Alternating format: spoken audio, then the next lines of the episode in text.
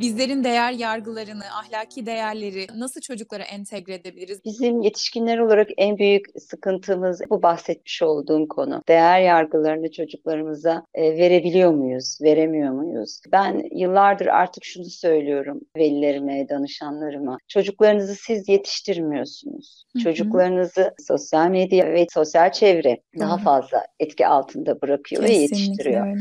Ama belli bir yaşa kadar çocuklar ailelerine ait, ailelerinin hı hı. eğitimine tabiler haliyle. Hı hı. Değer e, yargıları ve değer sistemi doğduğu andan itibaren çocuğa yavaş yavaş verilebilir. E, Schopenhauer'ın güzel bir sözü var. Diyor ki gençler e, görerek öğrenirler. Yaşlılar ise düşünerek diyor. Yani gençlik görmenin işini yapar diyor. Yaşlılar düşünmenin. Çocukları da kastediyor burada. Yetişkinler çocuklarını büyütürken öncelikle güzel model olmaları gerekiyor. Teknoloji ya da sosyal medyanın yaptırımlarına maruz kalmadan önce çocuklara güzel fırsatlar evde sunabiliriz. Öncelikle kendimiz sahip olduğumuz değerleri, işte ahlaki değerler, dini değerlerimiz, insani değerler olabilir. Çocuğa vermek istediğimiz her güzel etik ve ahlaki bilgiler olabilir. Bunların önce iyi bir modeli olmamız gerekiyor. Çünkü önce sizin yaptıklarınızı görüyor çocuk. Oturmanız, kalkmanız, diğer insanlarla ilişki tarzınız, konuşma şekliniz, yalan söylemeniz ya da söylememeniz bunların hepsine büyüme sürecinde çocuklar maruz kalıyor. Hı hı. Ve sizin onlara sevdirerek ve öncelikle kendi kişiliklerine ve benliklerine değer vererek bunları aktarıyor oluşunuz da o değerlerin çocukta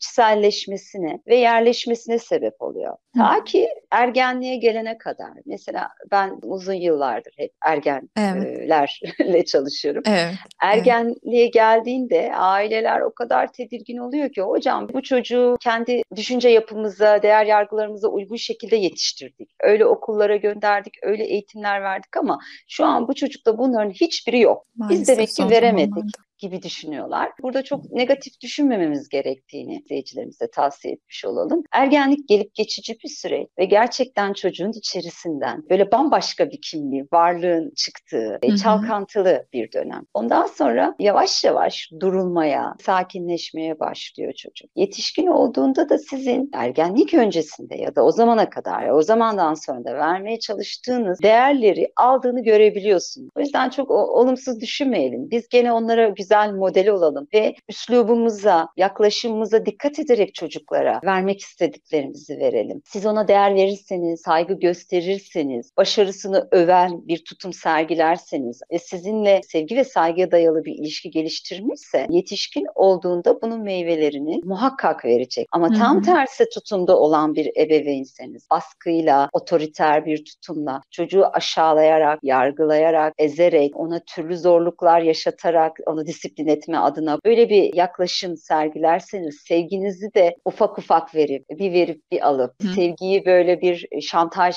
mevzusuna dönüştürüp Hı. çocuğa sunarsanız çocuk ergenlikte ve sonrasında size olan öfkesinden dolayı sizin değerlerinize de öfkeli oluyor ve onları Hı. kabullenmek istemiyor. Değer yargılarını, değer sistemini reddediyor ve müthiş Hı. bir öfkeyle karşı koyuş sergileyebiliyor. Çok farklı yapıdaki bir aileden, çok farklı düşünce sistemine sahip gençler olabiliyor. Ama birçoğunda olumlu bir anne baba tutumuyla verilmişse e, o çalkantılı dönemde yine bir aykırılık oluyor. Ondan sonra tekrar toparlayıp yetiştirmek istediğiniz çocuk modelini size sergileyebiliyor. Burada şu da çok önemli. Verdiğimiz değer yargılarını öğretirken yaşamdaki duruşlarını onlara anlatırken bunu nasıl kullanacaklarını da öğretmemiz gerekiyor. Yani çocukta otonomi dediğimiz, otokontrol dediğimiz durum gerçekleşirse neyin doğru, neyin yanlış olduğu anlayabilme kabiliyeti gelişmiş olursa bir çocuğun işte o teknolojik ortamda sosyal medyada kendisine dayatılan içerikleri sorgulayarak bakabilir. Bir problem görebilir.